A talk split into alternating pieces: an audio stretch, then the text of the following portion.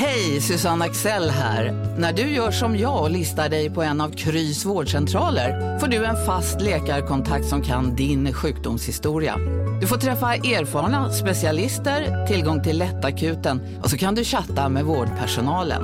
Så gör ditt viktigaste val idag, listar dig hos Kry. Välkommen till Maccafé på utvalda McDonalds restauranger med Baristakaffe till rimligt pris. Vad sägs om en latte eller cappuccino för bara 35 kronor? Alltid gjorda av våra utbildade baristor.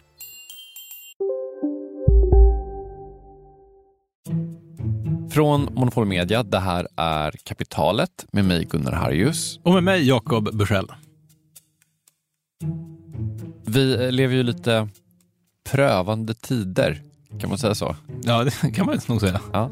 Eh, räntan höjs, inflationen är fortfarande hög. Eh, Konjunkturinstitutet sa i september att lågkonjan stod för dörren. Vi får väl nästan räkna in den nu va? Mm, ja, jag tror det. Ja. På det stora hela så är det ganska kämpigt. Mm. Jag, jag såg någon Yale-ekonom som, som tyckte att äldre i Japan borde begå självmord kollektivt för att rädda den japanska ekonomin. Mm. Det känns lite väl drastiskt tycker jag, om jag ska vara sån. Men det är också så att här generellt så är det ju så att ekonomi som vetenskap sällan levererar solskensrapporter. Det kallas ju den dystra vetenskapen. Det här är Andreas Berg. Han är docent och lektor i nationalekonomi. Och han menar att en av anledningarna till att så få ekonomer kommer med optimistiska uttalanden, det är att det helt enkelt kan låta lite dumt. Det finns ju forskning på det där som säger att man framstår som smartare om man är negativ och pessimistisk. Just det. Tänker du att eh, det kan ha spilt över även in i akademin, att folk vill framstå som smarta? Jag tänker att inom akademin så är det många som vill framstå som smarta. Eh, varna för saker och eh, inte låta som en naiv eh, optimist som, som tror att saker och ting ordnar sig. Men jag tänkte att i dessa prövande tider så behövs det kanske lite optimism, naiv eller inte. Så att det är det som vi ska erbjuda idag. Jag har pratat med tre forskare, Andreas Berg är en av dem, som alla erbjuder varsitt argument för att allting faktiskt kommer att bli bättre. Oh. Mm. Vi kommer få en här och nu-analys, eh, ett riktigt brett penseldrag över hela den ekonomiska historien och så ska vi prata om en väldigt specifik sak som faktiskt kan komma att göra hela samhället bättre. Ett solskensavsnitt. Ja. Äntligen! Så nu tycker jag att vi lyssnar på fem sekunder glad musik och sen så eh, börjar vi.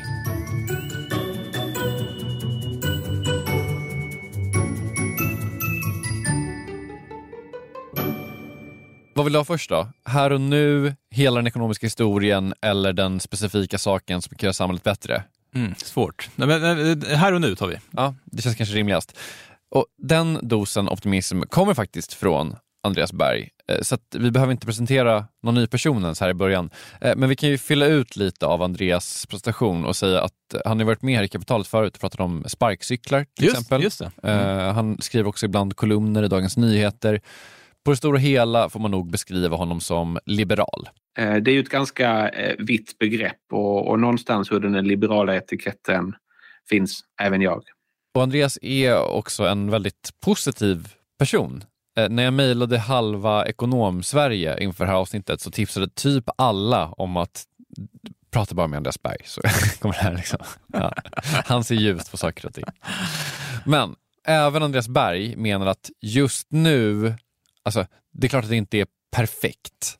Det är mycket som ser mörkt ut just nu på väldigt kort sikt.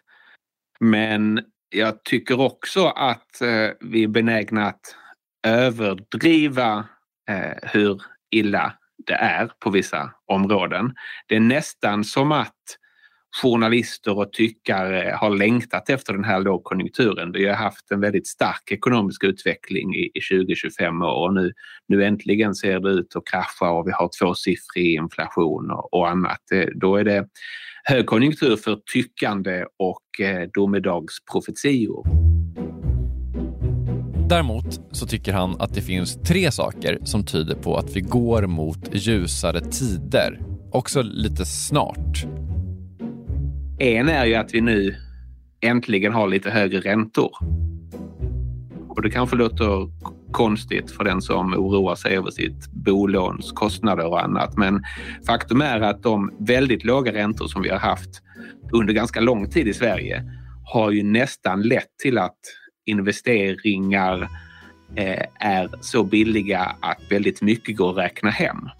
Det är ganska många dåliga investeringar som har blivit gjorda som visade på vinst tack vare att det går att låna till väldigt låg kostnad. Och jag skulle säga att eh, på lite sikt så är det ett sundhetstecken att vi nu låter bli att göra vissa investeringar och att vi kanske blir lite mer kräsna med vad vi tycker är lönt att investera i. Och det gäller politik, näringsliv och hushåll. Eh, det är inte bra när pengar är för billiga under lång tid. Så under de här åren så har man kunnat få gratis pengar för att starta typ ett kontorshotell. Mm. Och, och, och, så borde det ha gått under, eh, liksom utifrån hur marknadslogiken ser ut. Men det har inte gjort, för att räntorna har varit så låga. Precis. Eh, man kanske kan kalla det för nollräntebeslut. Liksom starta en sneakers bar eller någonting. Jag vet inte. Jag såg förut någon på Twitter som sa att hon hade gjort slut med sin kille för att han var en zero interest boyfriend, alltså en kille som man kunde vara ihop med när, det, när räntan är noll. Men nu när vi går in i lågkonjunktur och högre räntor så måste man tänka annorlunda. Ja, och, och det här tycker då Andreas Berg är bra. Precis. Han menar att en lite högre ränta nu ger folk större incitament att faktiskt tänka igenom sina grejer lite noggrannare. Klarar min affärsidé ett par procents ränta? Om svaret på det är nej, så kanske det inte är värt att satsa på. Och hans andra grej, han har ju tre argument här, mm. den är lite besläktad med den första. För den handlar liksom om effekten av den här lågkonjunkturen och vad den gör med vår ekonomi. Sen är det också så att vi, vi kommer ur en pandemi när det stimulerades väldigt mycket. Politiker sa då att nu ska vi ge stöd till företag så att de inte behöver gå i konkurs. Eh, jag var lite orolig över det eftersom konkurser är en helt naturlig del av en fungerande marknadsekonomi. Och att vi nu ser lite konkurser, det är såklart jobbigt för de företag och de anställda som drabbas. Men återigen, på lite längre sikt så är meningen att företag då och då ska gå i konkurs så att kapital och arbetskraft kan styras över till bättre verksamheter. Det är ju rätt hårda bud det här. Ja, det är ju det, men man har också hört det förut lite grann. Så här, att, att lågkonjunkturer någonstans behövs för att fungera som ett så här, reningsbad för hela ekonomin. Man talar ibland om skogsbränder som katastrof, men de som begriper sig på skogen vet att eh, ja, det är väldigt jobbigt just då och det ser ut som om allt är dött. Men sedan kommer det alltid nytt och skogen förnyar sig med att då och då brinna. Och på samma sätt så finns det någon slags kreativitet i den här förstörelsen. Det är en klassisk ekonomisk term, kreativ eller skapande eller nyskapande förstörelse. Att eh, företag behöver gå omkull för att nya och bättre verksamheter ska kunna få arbetskraft och kapital och kunna blomstra. Är det du säger är att askan är den bästa jorden? Askan hjälper till att skapa en härlig mylla för framtida tillväxt. Är det inte ändå så att ganska mycket virke brinner upp eh, ändå? Som, eller menar du liksom att allt virke som brinner upp behövde brinna upp om vi överför det till konkurser? Alltså företagen som inte överlever nu, de ska inte överleva per definition och inget företag som är nyttigt kommer att gå under. Nej, så är det såklart inte. Har du en skog för att skörda den eh, och, och göra massa så är det såklart en enorm förlust om den brinner upp eh, utan att det var avsikten. Eh, däremot så finns det ju en, en process som både skogar och ekonomier genomgår där eh, företag ibland går omkull. Om alla de förtjänar att gå omkull? Nej, sannolikt inte. Eh, vissa tror såklart på sin affärsidé och menar att hade vi bara fått några år till så hade vi kunnat vända det här till en vinst. Och investerarna är av annan åsikt och menar att nej, eh, nu, nu får ni gå i putten. Ekonomer kan aldrig säga vem som har rätt eller fel. Det där är en ständigt pågående process.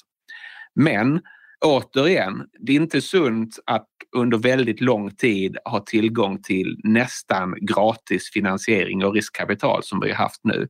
Så en hel del av det som nu pågår när, när investerare drar öronen åt sig, det tror jag vi kommer att ha glädje av om bara några år.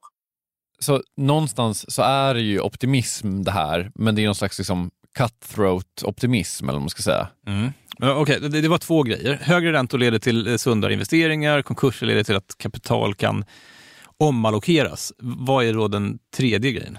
Ja, den tredje faktorn som, som gör att jag är positiv är egentligen att, att elpriset är dyrt. Och eh, det kanske också låter konstigt, men faktum är att ganska mycket talar för att det har varit för billigt med el under lång tid. Vi har betraktat det nästan som gratis och därmed inte tänkt särskilt mycket på vad som kostar och vad som inte kostar och vad man kan göra för att sänka sin konsumtion.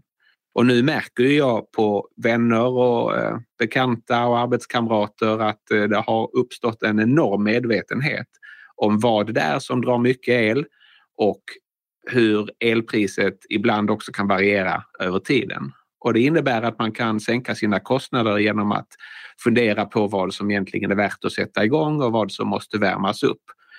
Och företag som säljer prylar som drar el numera har ett starkt försäljningsargument i att de är energisnåla. Och allt det här vet vi leder till att marknaden förändras så att vi förmodligen bara om några år har en mycket mer energieffektiv livsstil och konsumtionssätt. Och det är ju bra, inte bara sett till konjunktur och hushållsekonomi utan också sett till hållbarhet och, och klimat.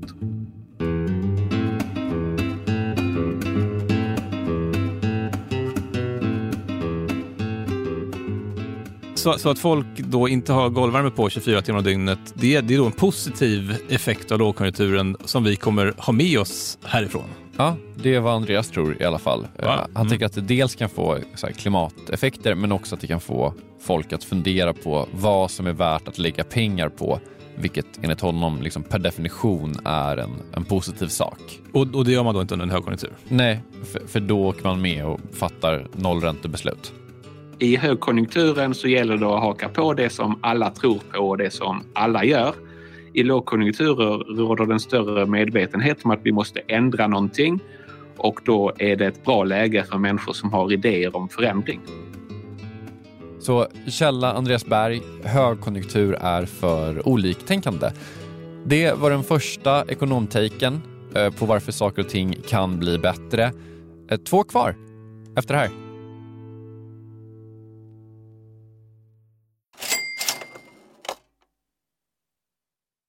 Kapitalet sponsras av SPP och Storebrand Asset Management. Eh, Storebrand och SPP hör ju ihop sedan många år och utan att gå in på några detaljer här och nu så kan vi i alla fall säga att eh, Storebrand förvaltar över 1200 miljarder kronor bland annat åt just SPP.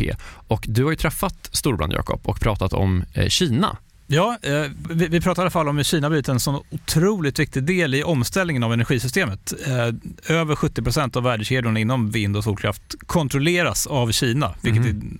är otroligt när man tänker på det. Ja. Och Det handlar om att Kina väldigt tidigt insåg att energi är makt och att man genom sol och vindkraft kan göra sig typ fri från att importera olja och gas och sånt. Then if you think that tomorrow or today's you know power base is going to in a large part be about renewables, then obviously having a stranglehold on those renewables and all the technologies that go into it is going to be part and parcel of that power play. Eh, det här är då Philip Ripman som ansvarar för Storbrand Global Solutions, eh, en fond som investerar i lösningsbolag över hela världen. Mm. Och hela det här avsnittet om Kina och geopolitiken som nu liksom är invävd i den globala omställningen, eh, den släpper vi som en bonus här i kapitalet nu i veckan. Ja, och mer information om Storbrand kommer vi få i kommande avsnitt och eh, man hittar också förstås mer om man vill ha det här och nu på storebrand.se. Vi säger stort tack till SPP och Storbrand. Tack!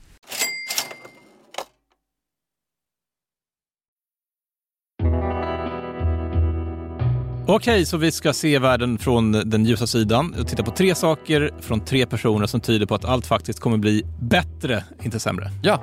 Och hittills har vi hört då från välfärdsforskaren och nationalekonomen känd från kapitalet Andreas Berg som menar att lågkonjunkturer kan fungera som ett slags naturligt stålbad som gör att pengar omallokeras på ett bättre sätt och att det typ är lite sunt med, med högre räntor. Plus att elpriserna gör att vi tänker på att energi finns och att det kostar pengar. Just det. Och vi har två personer kvar då. En som ska köra ett lite mer historiskt perspektiv och så hade vi en lite mer specifik sak som kan göra hela samhället bättre. Mm. Jag tror vill höra den här senare, först. Mm, då ska jag få göra det. För att höra om den grejen så ska man prata med Anna Dreber Almenberg, eh, professor i nationalekonomi vid Handelshögskolan i Stockholm. Eh, jag forskar mest inom metavetenskap, metascience, forskning och forskning och en del beteendeekonomi. Riktigt minnesgoda lyssnare minns kanske Anna Dreber Almenberg som personen som en gång i Kapitalet avsnitt 84 sa att extremt mycket forskning inte stämmer. Mm. Jag minns det här, så himla bra. Hon pratade om här TED-talks och att en massa såna spektakulära eh, teorier och resultat typ inte har någon bäring för att de håller på med jättesmå urvalsgrupper och typ bara fina paketeringar. Ja, och så här efterhandskonstruktioner och saker som heter p-hackning och sånt där. Så man, man håller på och på något sätt liksom rattar på experimenten tills de funkar och tills man får ett bra resultat. Det handlar mest om psykologi och nationalekonomi eh, för henne, där liksom forskare typ visar upp resultat för en grej men så kanske de egentligen har letat efter resultat för en annan grej och råkat hitta ett spexigt svar på någonting de inte riktigt letade efter. Mm. Men så mm. framar de allting i efterhand som att de letar efter den här spexiga saken hela tiden, vilket gör att rapporten blir liksom falsk. Och det Anna och hennes kollegor har gjort hela tiden, så här, det är att de gör om alla de här studierna och liksom följer instruktionerna exakt som det står i de här rapporterna. Vi har gjort stora replikationsprojekt där vi har gjort om studier publicerade i topptidskrifter inom psykologi, nationalekonomi, generell vetenskap som typ Nature Science och så vidare. Och när vi gör om de här studierna så samlar vi in ny data, testar samma hypotes, använder ofta samma metoder och så vidare som eh, originalstudierna. Och när vi gör om de här studierna hittar vi att många av resultaten håller inte. Alltså det finns inte stöd för ursprungsresultatet. Om man kollar på de här studierna, äldre studierna som vi först replikerade, de som är från typ 2008, 2010, så är det väldigt små urvalsstorlekar, alltså väldigt få deltagare i studier. Eh, och ändå drar man gigantiska eh, liksom slutsatser från de här väldigt små urvalen. Eh, det är oftast ganska oklart vad exakt de hittar, så de statistiska testresultaten redovisas inte ens särskilt tydligt. Så det är väldigt svårt att utvärdera hur stor är effekten, hur statistiskt signifikant är det och så vidare. Man har kallat det här för replikationskrisen och det är ju liksom på riktigt så potentiellt förödande för egentligen typ hela samhället. För ja. att alltså, om man inte kan lita på forskare, hur ska man liksom kunna fatta informerade beslut? typ? Och alltså det, ja, det är jätte... Nej, men det är en sån grundläggande grej. Eh, och, och, det här blir man ju inte alls glad av, måste jag bara invända. Nej, nej men, men nu kommer optimismen. Okay. Men jag tror att om man skulle göra om de här, om mer nyligen publicerade studier nu inom liknande fält så skulle en större andel av resultaten hålla. Så, så, så mer forskning är korrekt och sann? Mm, eh, precis. Det tycker jag faktiskt är strålande nyheter. Verkligen. Det är en lågmäld nyhet som ingen skulle bry sig om, men Nej. det är bra. Det är väldigt bra. Mm. Vad har hänt då? Ja, men massa saker har hänt och eh, bara för att vara tydlig, faran är liksom inte helt över än. Okay. Krisen finns typ, men vi håller liksom på att ta oss ur den här replikationskrisen. Men okej, en av de första sakerna som man börjat göra noggrannare, det är att så här, kolla på urvalsstorlekar. Så här, hur många är med i den här studien och vara så här, hårdare på det. Du får lite andra frågor. Typ urvalsstorlekar. Varför ska du ha den här urvalsstorleken om du planerar ett projekt? Eh, varför, varför räcker det med 50 deltagare? Varför inte 100? Varför inte 200? Eh, varför skulle du kunna hitta någonting med det här? Är det här det bästa utfallsmåttet och så vidare? Man har också börjat eh, se noggrannare på vilken typ av hypoteser det är man lägger fram. Vad är det man faktiskt vill bekräfta? Vad råkar man bara upptäcka? Det finns massa fancy ord för det här. Generellt så är det så typ att forskningen ska bli typ mer schematisk och mindre berättelser. Alltså, ja, jag tror att de papper blir lite tråkigare. För man kan inte ta ut svängarna lika mycket och det är jättebra. Alltså papper är typ de flesta vetenskapliga tidskrifter borde bli lite tråkigare. Så att forskare inte eh, överdriver vikten av sina resultat, inte överdriver generaliserbarheten och så vidare. Utan lite tråkigare, lite mer informativa. Och ett sätt som man kan uppnå det här på, eh, det är att kolla på och förändra hur de vetenskapliga tidskrifterna jobbar.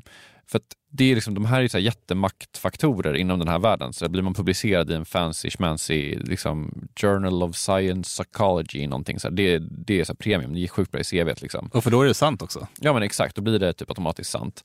Och generellt så har det varit så att de här tidskrifterna, de har tagit in artiklar som har resultat, alltså där man kan visa att så här, ja, det är på det här sättet eller ja, typ så. Men det kanske egentligen inte är så himla bra att man ha arbetat på det sättet. För att jättemycket forskning som är bra utförd och borde uppmuntras, den kommer inte fram till någonting. Nej, det är också lätt att se varför det har blivit så här. För det, det är bara svårt. Det blir en svår pitch liksom. Breaking news. Senaste rönen från de här forskarna att vi inte vet vad som orsakar cancer. Nej men jag vet bara själv liksom, i kapitalet, vi har ju massa avsnitt om forskning här. Alltså, tänk om liksom, hälften av alla de avsnitten skulle sluta med så här, ja, vi kan inte säga någonting. Alltså, jag fattar ju också att man, man hanterar det på det här sättet. Men man måste också tänka på att vetenskapliga tidskrifter är inte riktigt som vanliga tidskrifter. Alltså, de har ju också ett, ett uppdrag på ett annat sätt kanske. Mm. Och det som behöver hända och det som håller på att hända, det är att incitamentsstrukturen förändras för de här tidningarna och för forskarna gentemot tidningen. När man ska säga. Från att man belönas för spektakulär forskning till att man belönas för korrekt forskning. Och en av mina favoritutvecklingar under den här perioden nu, senaste tio åren, och det här är kanske framförallt de senaste fem åren eller något sånt, är det som kallas registered reports, alltså något som, registrerade rapporter. Och det här är forskningsartiklar där den huv huvuddelen av granskningen sker innan någon data samlas in. Man har designat studien tänkt väldigt mycket på, är det här en intressant hypotes? Mm. Eh, vad lär vi oss om hur världen fungerar baserat på den här, det här hypotestestet så småningom? Är det här bästa sättet att designa en studie? Är det här rätt urvalsstorlek, rätt liksom, population att studera och så vidare? Sen skriver man ihop som en introduktion och en analysplan och beskriver all, allt det här kring designen. Och det skickas ut på granskning. Så andra forskare då tittar, är det här en intressant hypotes? Är det här värt att testa för den här tidskriften? Eller är det bra designers och så vidare? Och ger feedback på allt det där. Tidskriften då, om, om eh, det blir tummen upp från granskarna, eh, committar då till att publicera de här resultaten, den här studien, oavsett vad resultatet blir.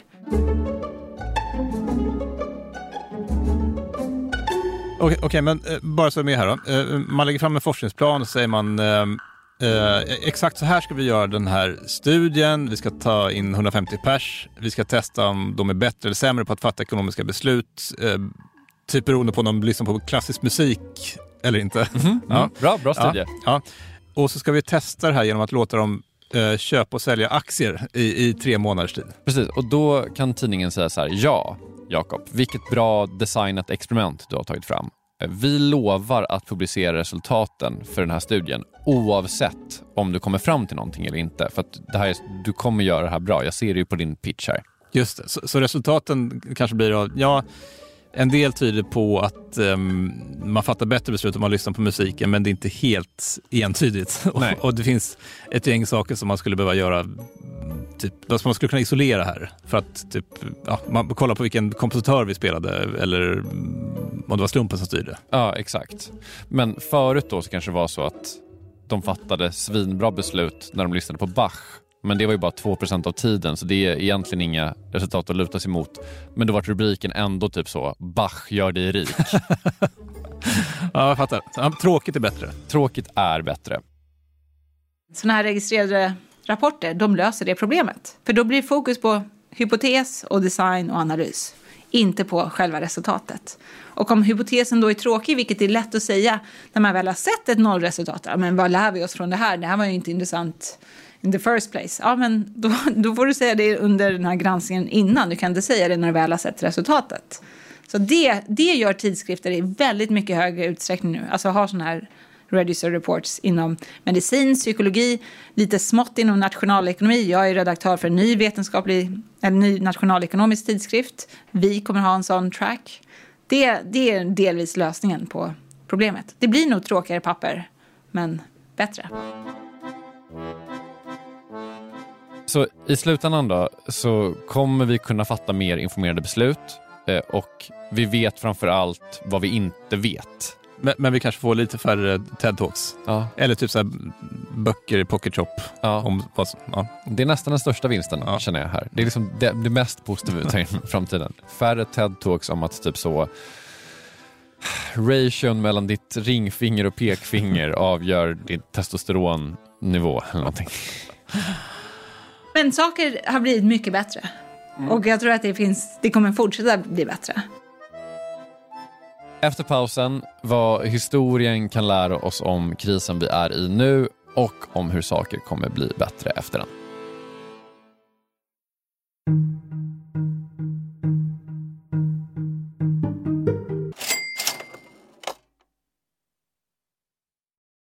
Jakob, vi har ett samarbete med Pareto Business School och det här är jag rejält nyfiken på. För ja. att, eh, eh så här, vi jobbar ju sida vid sida, bokstavligen, sitter bredvid varandra och då och då så håller du upp ett finger och säger nu måste du vara tyst i en timme för nu ska jag eh, göra något Pareto. Exakt. Ja. Eh, Jag gillar ju att lära mig nya saker, det gör ju många journalister. Eh, Så den här våren går jag då en åtta veckor lång så kallad mini-MBA. Eh, Alltså jag hade gärna gått en riktig MBA också, men, men ja, jag har inte tiden det kräver och och framförallt har ingen arbetsgivare som vill betala 800 000 för att låta mig göra det. Nej, eller kanske du har, du är ju arbetsgivaren. Ja, snål, snål arbetsgivare. Mm. Eh, det- eh, Det är då Jens Bäckbom och Mattias Eklöf, två svenska entreprenörer som har skapat den här utbildningen just eftersom det finns ett gigantiskt hål mellan typ YouTube-filmer och en, en riktig MBA. Ja, och det här är då Pareto. Exakt, Ja. Pareto MBA. Eh, Paretos utbildning kostar cirka 25 000 kronor och, och under åtta veckor så lär man sig jättepraktiska och tillämpbara modeller för hur man startar, skalar upp, driver och säljer bolag. Eh, Jens och Mattias eh, de håller själva i många föreläsningar, de är garvade entreprenörer båda två. Mm. Och har man så olika gästföreläsare som kom in. Mm. Typ någon kille som, som eh, var expansionschef på Spotify, någon som körde marknadsföring på Revolut, eh, en kille som driver Sveriges största campingkedja, Mm. som har varit med i kapitalet faktiskt, Okej. Johan Sör. Ja. Ja, just det. Också varit en helt otrolig svensk eh, entreprenör som byggt massor med grejer i Vietnam. Alltså makalösa berättelser. Ja, wow. Eh, Så den här kursen består av en blandning förinspelade moment och seminarier, men man går också i då så här kohorter tillsammans med andra deltagare från Sverige och utlandet. Jättenyttigt, eh, tidseffektivt och funkar jättebra för, för den som vill driva egen verksamhet som, som typ vi gör här. Eller om man typ driver projekt och affärer i större bolag. Wow. Om man är taggad på att eh, bli en del av den här, liksom, vad ska man säga, Jakob skolan om man vill bli som dig, lära sig lika mycket som, som du har lärt dig, vad, Ja. vad gör man då?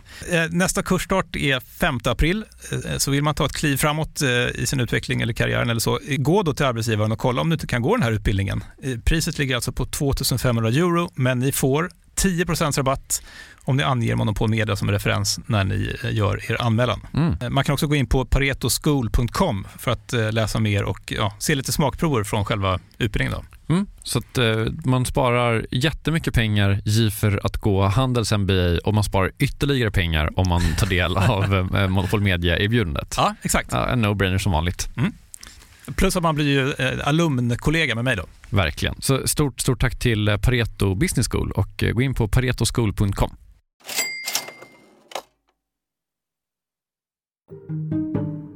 Dagens avsnitt är det mest positiva på länge, skulle jag säga. Mm, ja, det har inte varit jätteljust här i höst kanske. Men eh, vi har lärt oss att eh, kriser härdar oss, att göra att kapital kan omallokeras bättre och att eh, forskningen äntligen är räddad och att det blir färre TED-talks och så vidare. Mm. Underbart. Superhärligt. Nu är det dags för den sista positiva saken och den kommer från eh, historien och även från Uppsala och, och från Fredrik Sandgren. Ja, eh, Fredrik Sandgren, jag är, vad är jag för något? Jag är docent i ekonomisk historia, universitetslektor då. då. Fredrik Sandgren har framförallt forskat kring strukturomvandlingar och innovation eh, och eh, som historiker så är den största lärdomen han tar med sig att visst, nu är det kris, men vi har haft kriser förr och det brukar ordna sig. Och eh, han ser att det händer av flera anledningar. Dels att kriser ofta så här belyser en avtagande marginalnytta för en teknologi och att det i sin tur leder till att något nytt kommer att ersätta den. Vad betyder det? Ja, men det skulle kanske kunna belysa just nu eh, typ att olja kanske inte är idealt och att vi behöver eh, andra typer av energislag för att driva farkoster till exempel. Han menar också kanske att typ så här, digitaliseringen ger inte exakt samma effekt nu som den gjorde för några år sedan och nu då så kommer kanske något annat kommer ersätta den. Kanske är det någon AI-variant. Ja, det, det vet vi inte riktigt än. Det är liksom den ena delen av det han ser brukar hända under kriser. Den andra grejen, det är att han tänker på det lite som att det finns en pendelrörelse vad gäller så här, vår tilltro till olika politiska åskådningar som svänger en del och de brukar ofta pika under eller innan kriser liksom, i, i sin, sina ytterled. Som jag skulle säga här då, ja, men nu har vi också en, måste vi ändå se liksom en lite grann politisk kris där vi ifrågasätter de lösningar som kanske från 70-talet gynnade tillväxten, det vill säga att vi gick ifrån, som i Sverige då, men många andra länder också, en, en ganska reglerad ekonomi. Liksom en, en blandekonomi har det ju alltid varit egentligen från all, liksom, sen ja, industrialiseringen. Ett svar på det var ju liksom den här eh, liberaliseringen och, och, och avreglering. Eller, men just att ja, nu kanske den, eller skulle man väl säga att den där typen av liksom politik börjar ju ifrågasättas. Både från vänster och även från höger. Då historiskt sett har man alltid kunnat, ja, varje fall sedan 1800-talet, lyckas liksom att hitta nya vägar fram för att tillvarata då så att säga, marknadsekonomins med liksom kapitalistiska inslag dess dynamik. Så ur det perspektivet så kan man ju vara eh, liksom, grunden för vårt samhälle. Vi fortfarande är liksom, demokratier, tror på så att säga, kunskap och, och, och förnyelse och ser möjliga lösningar, typ i energiomställning och sånt. Ja, det, det, det är ju grejer som man kan ta tillvara på. Och hittills kan man väl säga att vi har hittat liksom nya eller nygamla institutionella lösningar för, för att, så att säga, möjliggöra, liksom, rikta den kraften framåt så att det blir liksom en utveckling, en ja, omvandling och förnyelse.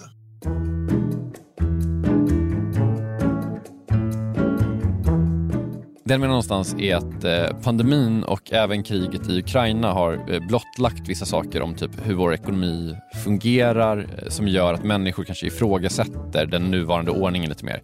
Typ hur mycket borde vi producera här i Sverige egentligen? Hur, hur mycket remote borde vi liksom, alltså hur rimligt är det att skicka efter saker från andra sidan jorden hela tiden och sådär? Alltså borde Sverige vara självförsörjande på typ mer än, vad är vi, morötter? Och korn tror jag. Och korn. Ja. Segt. Eh, och han menar också att... Jävla ensidig kost. så tråkigt.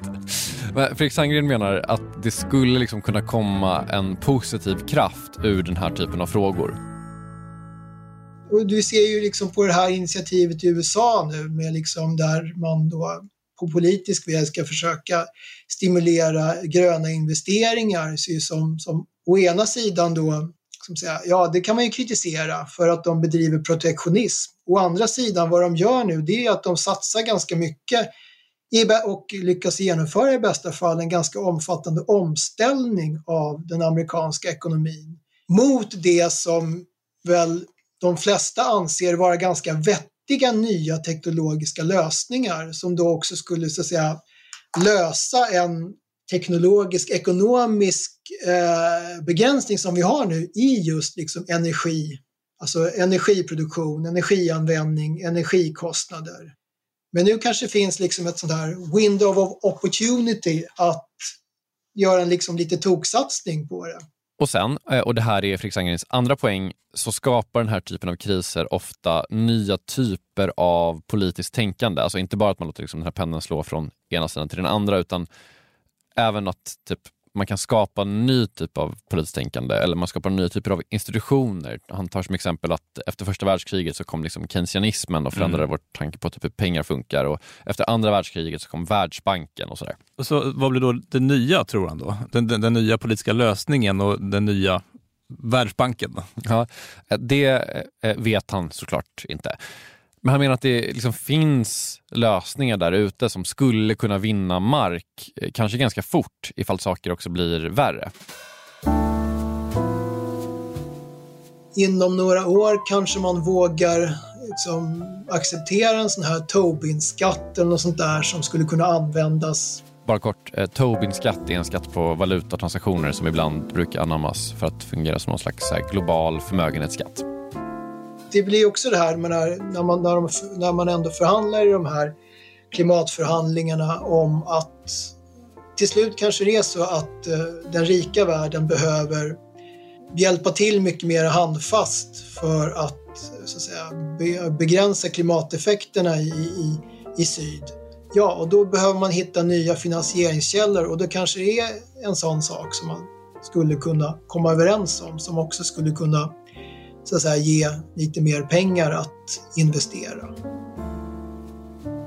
På slutet vill han bara lägga till en grej som är att man kan ta exakt allting han, han sagt och vända det till att betyda motsatsen också. nu, nu kan jag ta på mig optimismhatten. Jag kan också ta på mig pessimismhatten om jag vill. Det är liksom, det är inga problem egentligen att se jävligt stora utmaningar. Det som vi inte har hittat lösningen på riktigt än, det är ju liksom en ny effektiv, hållbar energikälla. Och vi, mycket av det som vi hoppas på framgent, det kräver ju liksom elektricitet. Och den där elen måste ju genereras på något sätt. Så att liksom behovet av, även om vi kommer kunna spara, energieffektivisera jättemycket, det tror jag stenhårt på som, som en, en sån här liksom, allt mer kommande teknologisk lösning. Så förr eller senare så behöver vi också hitta så att säga, energislag som, som, kan, som, är, som funkar hållbart. Och det är en jätteutmaning. På det stora hela, även om man kan säkert vända allting till negativt, så eh, tycker jag faktiskt att vi ska ta med oss de här positiva sakerna och eh, gå in i den här nya veckan med lite eh, spring i steget och, och mungiporna uppåt. Verk, det, var, det här var en riktig energiinjektion. Ja, jag ska tacka dig Jakob också med min nya positiva energi för att, du, för att du var här idag. Ja, ja. snygg tröja. Tack så jättemycket. Detsamma. Vi har lika tröjor på oss. Ja. Eh, Kapital till slut för idag. Eh, vi som gjort det här avsnittet heter eh, Jakob Bursell och Gunnar Harjus. Kristoffer Krook har mixat det här avsnittet och vi är tillbaka igen om en vecka med något betydligt mer gloomy skulle jag gissa. Hej då! Hej!